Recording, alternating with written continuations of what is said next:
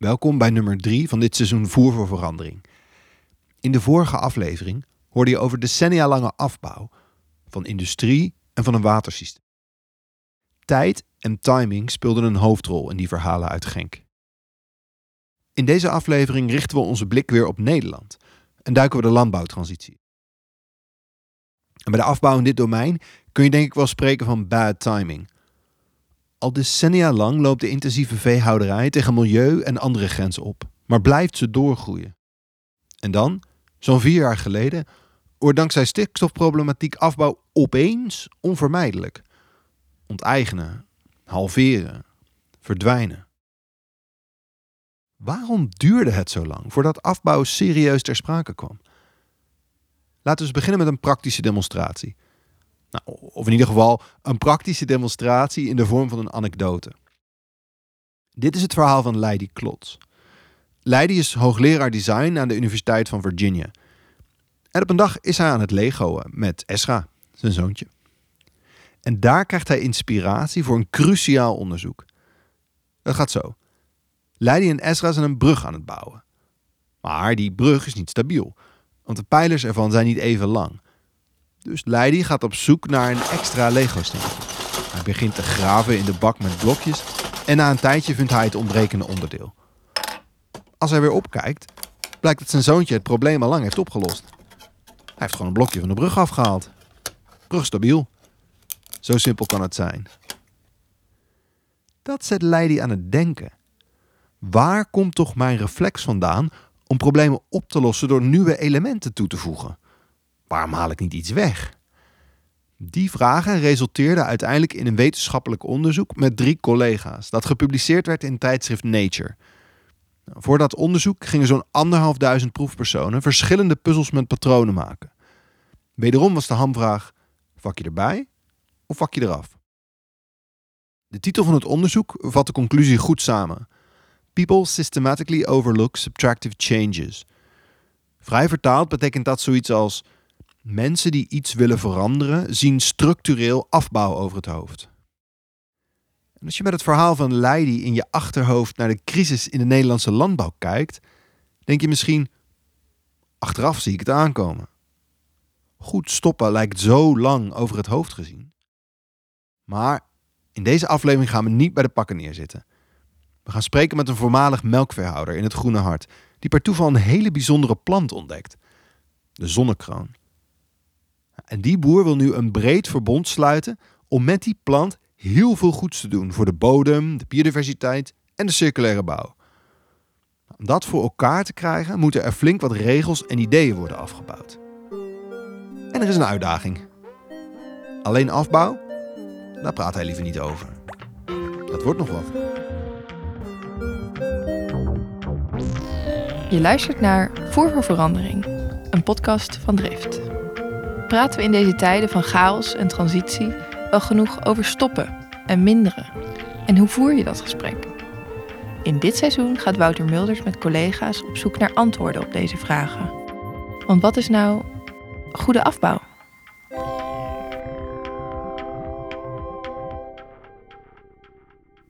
Ik ben samen met collega Sophie naar de boerderij van Jan Versluis gereisd. Meerkerk it is, in de gemeente Vijf Herenlanden op de grens van de provincie Utrecht en Zuid-Holland. Het is een mooie oktoberdag, dus we besluiten een stukje te lopen. Nou, laten we gaan lopen. Ja, gaan we een rondje Hij staat aan, lopen. dus alles wat je zegt uh, Wordt opgenomen. kan tegen Kan gebruikt gebruikt worden. nou ja, welkom. Jullie Dankjewel. zijn eh, te gast hier op het eh, voormalig melkveebedrijf van de familie Versluis. Ja. Ik ben zelf de derde generatie. Mhm. Dus we hebben al die, eh, die periode, dat is bijna 100 jaar, toen mijn opa hier op deze plek zich hier voor het eerst vestigde, Oké. eh, dieren gehouden. Dus het is altijd een melkveebedrijf Altijd eh, melk. geweest. Dit is het melkveebedrijf geweest, dus. Jan vertelt dat het met 70 koeien en 35 hectare goed in balans was. Maar het past niet meer in deze tijd. En er is nog een reden dat zijn bedrijf is veranderd. Ja, onze kinderen hebben andere keuzes eh, gemaakt. Dus die wilden niet door met, eh, met de melkveehouderij. Eh, kan ik ook wel een beetje begrijpen dat ze een andere Ja. keuze hebben gemaakt. Er zijn zoveel mogelijkheden tegenwoordig op een andere manier Ja. geld te verdienen. Dat hoeft niet per se meer in de melkveehouderij. Ja. Je had, het was een periode van schaalvergroting. Dus je moet best wel een groot bedrijf hebben om je brood te kunnen verdienen. Ja, de toekomst in de melkveehouderij is, een, is groter, andere bedrijven overnemen en een uh, ja, dat is, een beetje, dat is een beetje het beeld. En nou is het natuurlijk van alle tijden. Het is altijd al zo geweest dat die kleintjes er tussenuit vallen en de anderen die worden groter. Ja. Terwijl de overheid wel graag zou willen misschien dat die kleintjes blijven. Dat ja, ja. ja, ik denk de, de, de, burger en de consument Ja. ook wel. Ja. Ja. Eh, ja, die hebben denk ik wel minder met die grote bedrijven. Ja. En dat kleinschalige, dat, eh, ja, daar staan ze meer aan. Alleen het probleem is, die boer moet ook wel zijn brood mee kunnen verdienen. Ja. En dat, eh, ja, dat is het probleem. Omdat voor voedselprijzen, ja, die ja, betrekkelijk laag. Mhm. Als je als consument vraagt, die zal zeggen van niet, want de boodschappen zijn duur zat. Eh, maar de opbrengsten voor de sector die werden steeds lager. Dus het enige antwoord erop was schaalvergroting, nog meer koeien. En ja, in die fase hebben we natuurlijk, eh, zaten we nu. Vanaf 1980 is dat heel sterk gegaan. Steeds grotere bedrijven. En ja, dan, dan groeit dat, zo'n situatie. En dan weer terug, dat valt natuurlijk niet mee. Mhm. Want zo'n boer heeft zijn, zijn, zijn stalruimte daarop afgestemd. Eh, zijn investering, financiering. eh, Je hebt zijn al een lening van de bank. En dit bedrijf is al op een bepaalde manier ingericht. Ja, mechanisatie en machines die die heeft. Ja. Dus dat is afgestemd op, op dat aantal vee en op eh, die aantal hectares die die moet bewerken. En als je dan ineens tegen hem zegt van eh, je moet halveren, zoals een aantal partijen in de politiek nu graag willen. Ja, dan, zit, zit, eh, ja, dan gaat hij de helft van zijn omzet eh, kwijtraken. Maar niet de helft van zijn hypotheek. En, en ook niet de helft van zijn machines, want hij moet zijn grond wel blijven bewerken. Ja. Gaat hij op klem lopen. Dus dat zou eigenlijk, ja, ja dat, dat, dat klinkt heel mooi halveren. Gaan we een beetje terug naar de gangbare maat. Maar dan loopt het vast op eh, verdienvermogen en Ja. op, en op financiering. Op de achtergrond hoorde je de ganzen instemmend gakken. Gewoon minderen was voor het bedrijf van Jan eigenlijk geen optie. Dus verbouwde hij mais en pachtte hij de rest van zijn land aan andere boeren. In het Groene Hart sta je op veenweide. En, en dat is niet geschikt voor reguliere akkerbouw. Dus behalve gras en een enkel perceel mais zag hij ook niet echt andere mogelijkheden. Totdat. Tot ik dan bij toeval bekend raakte met het vezelgewas zonnekroon. Ja. En ja, dat was eigenlijk het moment waarop ik dacht, nou dat is interessant gewas. Ja, want we zijn nu op je bedrijf, op de boerderij. Waar staat het nu? Als in, of het is al geoogst misschien. Maar eh, kan je, kunnen we naartoe lopen? Eh, ja, daar kunnen we naartoe lopen. En dan gaan we weer terug. Gaan we weer terug. Ja. ja. En eh, ja, dus dat, dat was eigenlijk een moment, een vrij toevallig moment, waarop we zeiden van nou, misschien is dat wel interessant om eens uit te proberen. Van, eh, kan je daar iets mee? Is er een markt voor? Geen idee, wisten we niet. Maar eh, nou, we hebben toch besloten om die, eh, die in te zaaien met die, met die zonnekroon. En eh, het is een gewas wat er eh, trouwens drie jaar over doet om zijn maximale opbrengst te halen. Ja. Dus we hadden het idee van nou, dan geeft ons drie jaar de tijd om te kijken naar een afzetmarkt. En eh, om te kijken of er ook meer collega's zijn die dat willen gaan doen. Dus zo zijn we op dat moment eh, gestart. Dus eigenlijk een redelijk impulsieve beslissing. En wanneer was dat? Die Eh, begin 22. 22. Oh ja. Ja. Anderhalf jaar geleden. Ja, sorry. Een impulsieve beslissing. Maar wel één die deze voormalig melkveehouder een heel andere rol kan geven. In transities rondom landbouw, grondstoffen en het klimaat. Boer Jan kiest dus voor zonnekroon. Een gewas dat na drie jaar kan worden geoogst en waar verpakkingsmateriaal van kan worden gemaakt. In Duitsland wordt het al veel geteeld, maar dan wordt er biogas van gemaakt. En hij zaait ook vezelhennep in. Eh, dat heeft slechts één jaar nodig en dat kan dan weer als isolatiemateriaal in de bouw dienen. Jan vertelt ons over de voordelen van deze gewassen. En we gaan even een kijkje nemen bij de plant zelf. Ja, het gewas is, is perfect voor de, voor de grond, voor de, voor de structuur van de bodem, biodiversiteit. Eh, het het eh, legt veel CO2 vast, zowel in de bodem als in het gewas. Ja. En dat vonden we allemaal heel erg positieve punten. Je hoeft niet te ploegen, zoals bij de mais. Precies, ja. En de, de toepasbaarheid van het materiaal. Eh, dus je kan er best veel, eh, veel spullen van maken. Dus dat was eigenlijk de reden om ermee eh, mee te starten. En is dit dan waar de vezelhennep heeft gestaan? Dit, Dit is de zonnekroon. dit is de Oh, zonnekroon, oké. Die Ja. wordt nog even doorgroeien. Ja, je ziet hem al wel staan. Dat zijn deze plantjes. Ja. Eh, dit is het tweede jaar. Mhm. Hij is pas eh haakseld. Ja. Dus, eh, dit spul. En dat ligt hier nu te drogen. ja, want we zien heel veel eigenlijk een beetje afgehakte stelen. De- Ja. Aan de rand ligt eh, wat er gehakseld is. Er staat inderdaad wat onkruid tussen, maar de grote schat ligt eigenlijk onder de grond. En Ja. dat is het wortelnetwerk. Precies. En na drie jaar komen er dan eh, planten op die, eh, die je kunt gaan, gaan oogsten. Ja, Ja. ja. Ja, 2,5 meter is een beetje de lengte van het, van het gewas. En, Oh ja. Dus ik hoop dat hij de komende jaren inderdaad het, dat, dat weg gaat drukken, onkruid. En eh, dat ik een oogstbaar gewas eh, overhoud. Dus als ik nu, eh, nu om me heen kijk. We zijn in, in vijf landen. Eigenlijk de provinciegrens tussen Utrecht en Zuid-Holland is dichtbij. Ik zie nu heel veel gras en we zien heel veel ganzen die er lekker in staan. Maar het zou dus kunnen dat over een aantal jaren... dan moeten we wel in de zomer komen of in de lente... dat we de veel hogere gewassen zien. Klopt dat dan? Eh, ja, dat zou, eh, dat zou heel best, best Ja. eh, kunnen, ja. Maar dat, dat is dan wel aan een aantal voorwaarden verbonden. En dat is dat het, dat het rekent, dat het, Ja. dat het saldo goed is. Klopt. Want dat is natuurlijk de eerste vraag die boeren mij stellen als ze hier op bezoek komen. Scheurt even iemand langs op de motor. Van wat is het, het saldo per hectare? Ja. En op het moment dat dat niet kan concurreren met, met mais of met veehouderijsaldo, dus gewoon door je koeien te bewijden, ja, dan zullen ze niet zo heel snel die stap nemen. Eh, dus daar moet nog wel wat aan gesleuteld worden. Het saldo per hectare is nog niet zo dat de overstap meteen aantrekkelijk is. Daar moet nog aan gesleuteld worden. Jan heeft nu drie hectare vezels staan en daarmee kun je geen marktpositie opbouwen. Hij zal dus samen met andere boeren flink veel meer moeten gaan telen voordat fabrikanten bij hem in gaan kopen. Maar die eerste investering die is duur. In theorie zouden boeren ook van de overheid geld kunnen krijgen voor de andere diensten die de vezelteelt levert. Zoals het vastleggen van CO2, het bevorderen van biodiversiteit. Maar Dat is iets wat, wat, wat, ja, ja, wat boeren niet gewend zijn. Want die, eh, ja, die zeggen wel leuk en aardig, maar eh, subsidie vanuit het gemeenschappelijk landbouwbeleid, dat is, eh, dat is onzeker. Dat is eh, politiek eh, bepaald. En eh, ja, dat geeft mij geen garantie. En die CO2-vastlegging, ja, hoe lang duurt dat? Eh, als partijen die CO2 uitstoten dat in de markt hebben afgedekt, ja, dan is er is geen vraag meer. Gaat het, dan, eh, gaat het er dan af? Gaan die prijs, gaat die prijs dan omlaag? Dan hebben we geen invloed op, beide niet. Dus ik heb veel liever eh, een goede opbrengst van mijn vezelgewas. eh, en niet, die, al die, niet al die postjes eromheen. Eh, dus dat is, eh, ja, dat zo kijkt die boer er dan tegenaan. Als de boer alleen staat, gaat hij rekenen. Plannen op de korte termijn. En dan is vezelteelt nog geen optie. Je verdient op dit moment gewoon meer aan mais of aan pachten. Maar het zou zonde zijn om het daarbij te laten. Want gewassen als vezelhennep en zonnekroon bieden mooie kansen voor het gebied. Eh, ook de bodemdaling tegengaan, eh, de circulaire economie bevorderen. Daarom dat deze boer probeert om samen op te trekken. Ik hoop dat dat de komende jaren gaat kampelen. En dat ik meer boeren krijg die, al was het maar met, met het eenjarig gewas vezelhennep, dat, dat daar al een afzetstructuur voor is. Ja. Dat je een marktpositie kan, kan opbouwen. En het gaat, gaat rekenen. Ja, dus je wil eigenlijk een soort verbond of een, of een als groep dat samen gaan telen, zodat je en Ja, meer hebt ja. en sterker staat misschien. Ja, dat, daar zijn we nu mee, eh, mee bezig. Morgen is eh, onze eerste grote bijeenkomst. Mhm.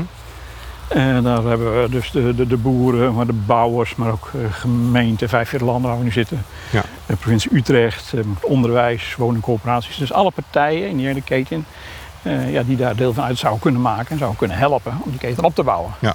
Want in het begin heb je dat nodig. Je hebt een groepje nodig, mensen nodig die zegt nou, eh, rekenmachine die, die la- laten we even thuis. Maar wij geloven erin dat dat Mhm. een goede ontwikkeling is. Dat dat eh, ja, zijn weg gaat vinden richting de bouw. Eh, eh, en wij helpen mee om die keten op te bouwen. Eh want een bijkomend voordeel is natuurlijk op percelen waar vezels geteeld worden, lopen geen koeien. Dus je, een deel van de, van, van de veehouderij, een deel van de veeteelt, ja, dan zet je om naar, naar, naar vezelteelt. Ja. En dat helpt waarschijnlijk ook weer met de stikstofdruk die er nu ja, in die Nederland boer is. die reduceert dan op ja, zelf eigenlijk een deel van de stikstof. Ja. En dan wil ik niet zeggen dat die boeren allemaal massaal moeten overstappen. Integendeel, we hebben hier een hele mooie agrarische sector in deze regio. Ja. En daar moeten we trots op zijn en zuinig op zijn. Voedselvoorziening is belangrijk. Maar het kan een tandje minder. Ja. wat ik graag zou willen is dat we aan het eind van die dag eh, met z'n allen zeggen, of nou, de ko- 40 mensen hebben zich opgegeven, dat hoeft niet allemaal te zijn, als maar Mhm. vertegenwoordigers van, van, van al die verschillende groeperingen zijn, zeggen we nou, daar geloven we in, convenant, handtekeningen eronder, wij Ja. gaan ons inzetten voor, eh, voor, voor, voor vezelteelt in deze regio. Een soort intentieverklaring van we gaan. Ja. Precies. Het zou nog mooier zijn, maar. eh, want ik vertelde net, voor die boeren is dat lastig. omdat het nu nog niet helemaal goed rekent. Maar op het moment dat je als keten zou zeggen van nou, uh, beste boer, jij begint. Maar die boer zegt ja, ik wil wel beginnen, maar mijn, mijn, mijn economisch model Ja. klopt nog niet. Dus als je als keten zou afspreken van nou weet je wat, en, eh, met z'n allen betalen we jou een basisbedrag voor elke hectare die, eh, die je zet. Mhm. Dan heb je in ieder geval een basisinkomen en de rest is afhankelijk van de markt. Ja. Dan begin je ergens. De oplettende luisteraar denkt nu misschien... Ja, ho eens even. Het is toch geen afbouwverhaal? Deze boer schakelt een deel van zijn landgebruik om. Dus eigenlijk gaat het hier over ombouw of opbouw. Maar zo simpel is het niet. Er moeten wel degelijk structuren, culturen en praktijken worden afgebouwd om tot eerlijkere en duurzamere landbouw te komen. Ten eerste dus dat economische model. Het moet afgelopen zijn met allemaal individueel eigen risico en winst pakken, zodat partijen samen een bodem in de markt kunnen leggen. Dan wordt boeren voor ecosysteemdiensten opeens een reële optie. En er is ook afbouw nodig in de regelgeving. Toen ik hiermee begon, eh, dat was eh, nou, zeg maar twee jaar geleden. Toen was ik daar nog wel een beetje huiverig voor. Want je, eh, je gaat je bedrijf op een andere manier exploiteren. Dus in plaats van, van, van koeien houden, uh, melkveehouderij, ga je dan nu opeens een, naar een deel vezelteelt. Ja. En uh, ja, dan kom je op het uh, vergunningentraject kom je dan, dan uit. Want ja, in mijn NB-vergunning staat dat ik een melkveehouderijbedrijf ben. en geen vezelteeltbedrijf. Dus ik was daar wat, wat terughoudend. En ik denk, ja, in hoever moet ik daar nu mee gaan? Uh, ja, want ik wil mijn, mijn veehouderijrechten niet, uh, niet kwijt. Nou, veronderstel dat dat nou geen succes zou worden. Daar hield ik toen nog rekening mee, nu minder. Uh, ja, dan, zou, dan wil ik weer terug naar mijn oude model. Ja. Of misschien niet ikzelf, maar mijn kinderen, maar kleinkinderen ja. of een andere. Je wil die deur open houden, op een keer ja, houden. In precies. Ja, ik, ik, wil gewoon de, de, mogelijkheid houden om weer melkveehouderijbedrijf te worden. Wie dan ook. Want als ik, dat, als ik dat niet meer heb, ja, dan heb ik een onverkoopbaar bedrijf. En mocht dat, een soort dubbele bestemming? Of, uh, nou, dat is nog steeds de vraag. okay. Alleen ik maak me er nu wat minder druk over. Ja. Ik denk, ja, je kan natuurlijk heel lang wachten. Uh, tot het eindelijk een keer opgelost is. Tot de overheid zegt van ja, nee, prima, dat kan. Of kan niet. Nou, dan heb je duidelijkheid. Maar ik denk, ja, dat duurt misschien al jaren. en ja, dat, dat, uh, dat duurt lang. Ik zie perspectief in deze teelt. Uh, dus ik ben gewoon begonnen. Ja. Dus ik neem die, dat, dat risico nu voor lief. Als je de sprong waagt en het lukt niet, mag je dan wel terug? Ook daar is afbouw nodig. Jan kan het risico voor lief nemen, maar dat geldt voor veel van zijn collega's niet. En er zijn nog andere regels die op de schop moeten, bijvoorbeeld in het heersende landschapsbeleid. Ja, wat weg moet, heb ik wel eens het openluchtmuseum denken horen noemen. Want mag je die hoge gewassen überhaupt wel telen? Want ik had het idee van, nou, uh, vezels telen, prima. Teel ook mais, dat is ook uh, 2,5, 3 meter hoog. dus dat is het verschil. Uh, maar nu blijkt er dan toch uh, een kaartje te circuleren bij de, bij de provincie Utrecht. Waarin staat dat uh, het gebied open moet blijven, open karakter moet, moet houden. En uh, vezelteelt in uh, best grote delen van de provincie Utrecht, en daar zitten wij sinds een aantal jaren ook bij, uh, niet is toegestaan. Ja. Waarom niet? Omdat ze vinden dat het landschap open moet, Ja. moet blijven. En als je daar dan met mensen over praat, nog ouder dan ik, die zeggen van ja, maar het landschap was vroeger helemaal niet open. Als je kijkt naar de Alberse Waard. Uh, die, die, die percelen uh, stonden allemaal vol met knotwilligjes. Ja. Uh, van afstand leek het één bos. Nou, die, die, die, die knotwilligen die hebben we allemaal weggehaald. Omdat Ja. het voor die boeren veel efficiënter is om een percelen te bewerken. Mhm. Nu is het open landschap geworden. En nu zeggen we, ja, maar dat open landschap is nu belangrijk. Dus is het maar net, hoe ver ga je terug? In de tijd. Wat, wat, wat neem je als referentie, jaar of datum? Eh, wat, wat, eh, ja, zoals je vindt dat het landschap eruit zou moeten Ja. zien. En als een provincie vindt dat dat niet, eh, niet mag, dan komen ze dat vast wel een keer vertellen. Ja. Eh, aan de andere kant is de provincie ook wel eh, positief. Eh, staan ze tegenover vezelteelt. ja, want ze staan achter die doelen. Ze willen Ja, ook koolstofopslag. Ze willen Ja, misschien ja. ook minder stikstofuitstoot. Ze willen ook, nou noem maar op. Ja, Ze hebben zich aangesloten bij de club Building Balance. Mhm. Die bezig is met, eh, met ketenopbouw in het, in het hele land. Oké. En dus enerzijds eh, stimuleren ze dat. Ze willen dat dat gaat gebeuren. Er moeten, natuurlijke ma- bouwmaterialen moeten geteeld worden. Meedoen met, met, met, met die club.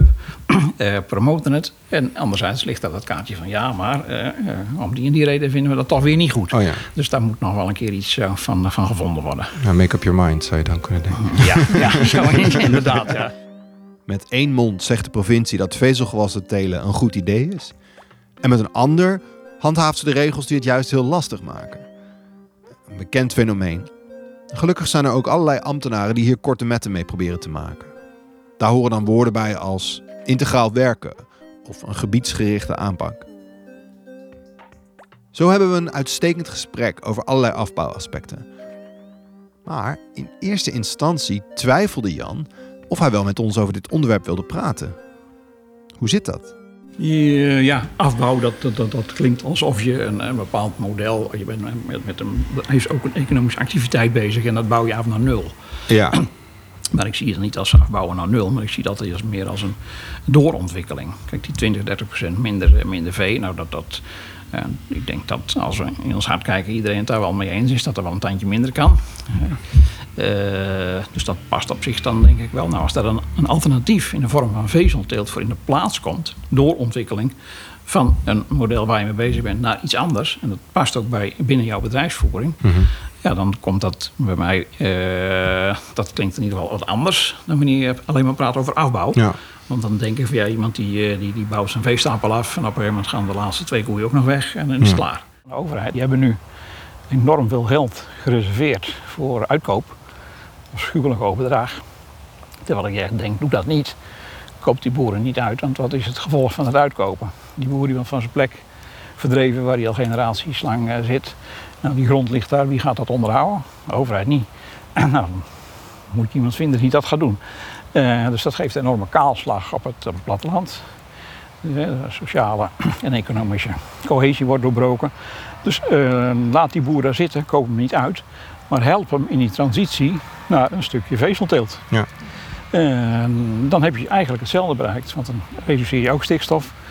Boeren kunnen gewoon op hun plek blijven zitten. Ook die bijna natuurlijk de 2000 binnen transitiegebieden zitten.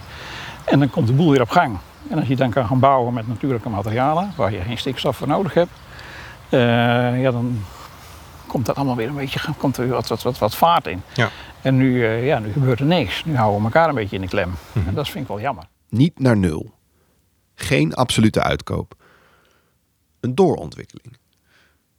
Nou, Jan heeft er echt schik in om hierover te praten. En daarom vragen we hem: waarom vindt hij dit precies zo leuk? Waar haal ik dan nog meer plezier uit? Want dat was de vraag. Uh, ik vertelde in het begin dat uh, onze kinderen niet gekozen hebben voor het melkveebedrijf, want dat uh, ja, andere keuzes gemaakt. maar die willen wel met het bedrijf door. En nu we deze kant op zijn gegaan met, met, met, met vezelgewas, nu vinden ze dat opeens geweldig interessant. Okay. En die zeggen, nou, wij haken weer aan. Ja.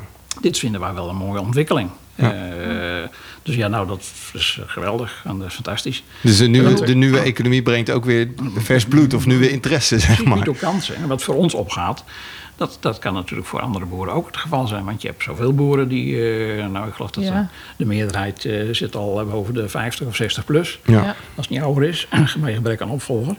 En uh, nou, ik zou me zo maar kunnen voorstellen dat, dat, dat daar ook jongeren bij lopen die zeggen, nou dat is een mooi alternatief. Ja. Houden wij het bedrijf in de familie.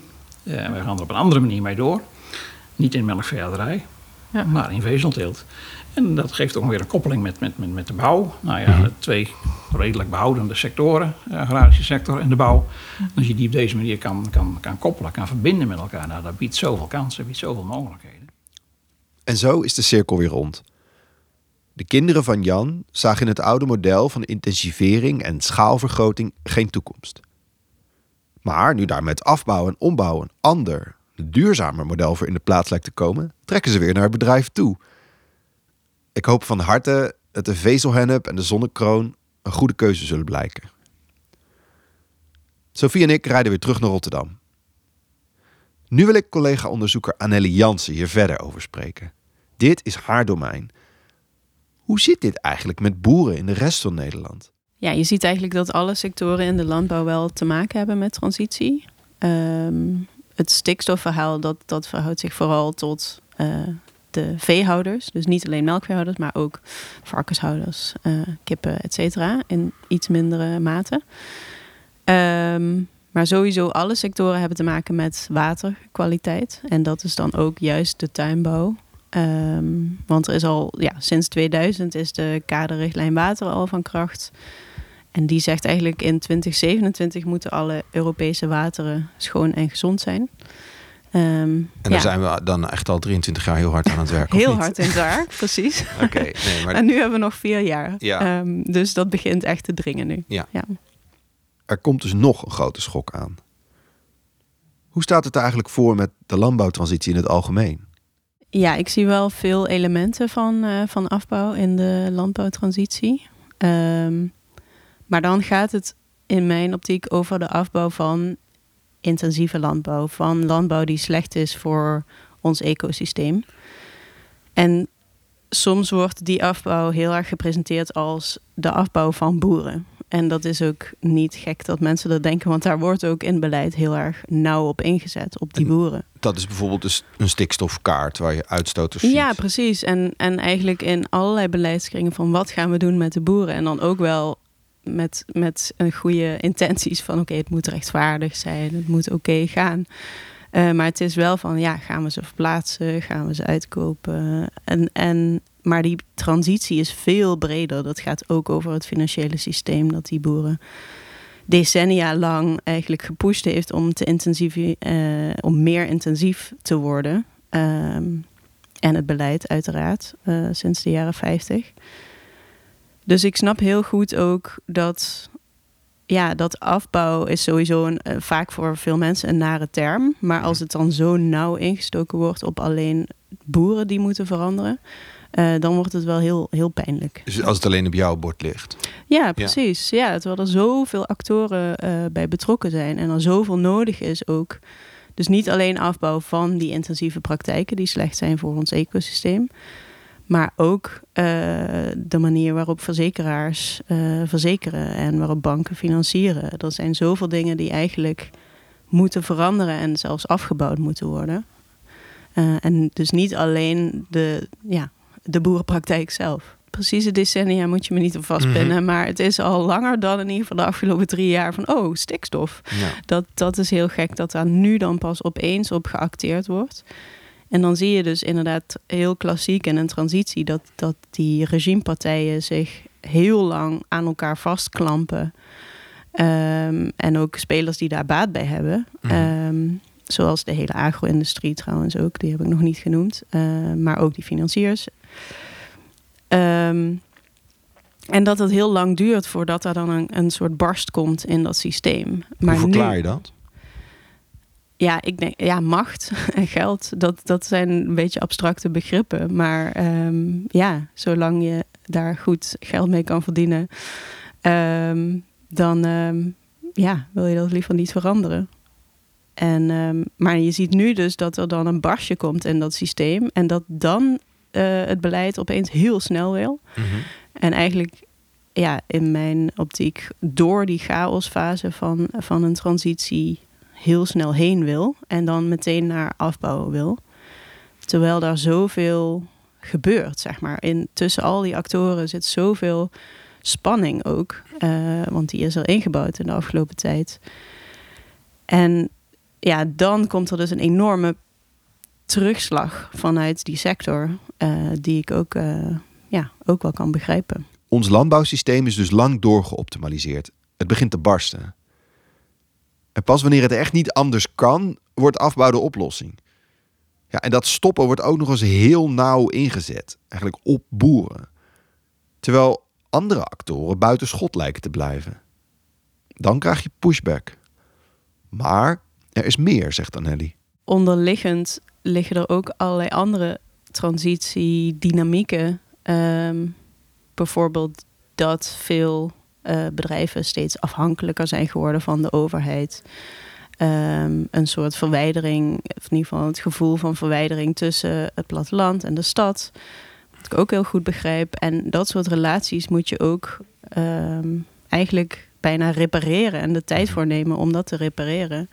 eh, voordat je echt iets uit kan gaan faseren.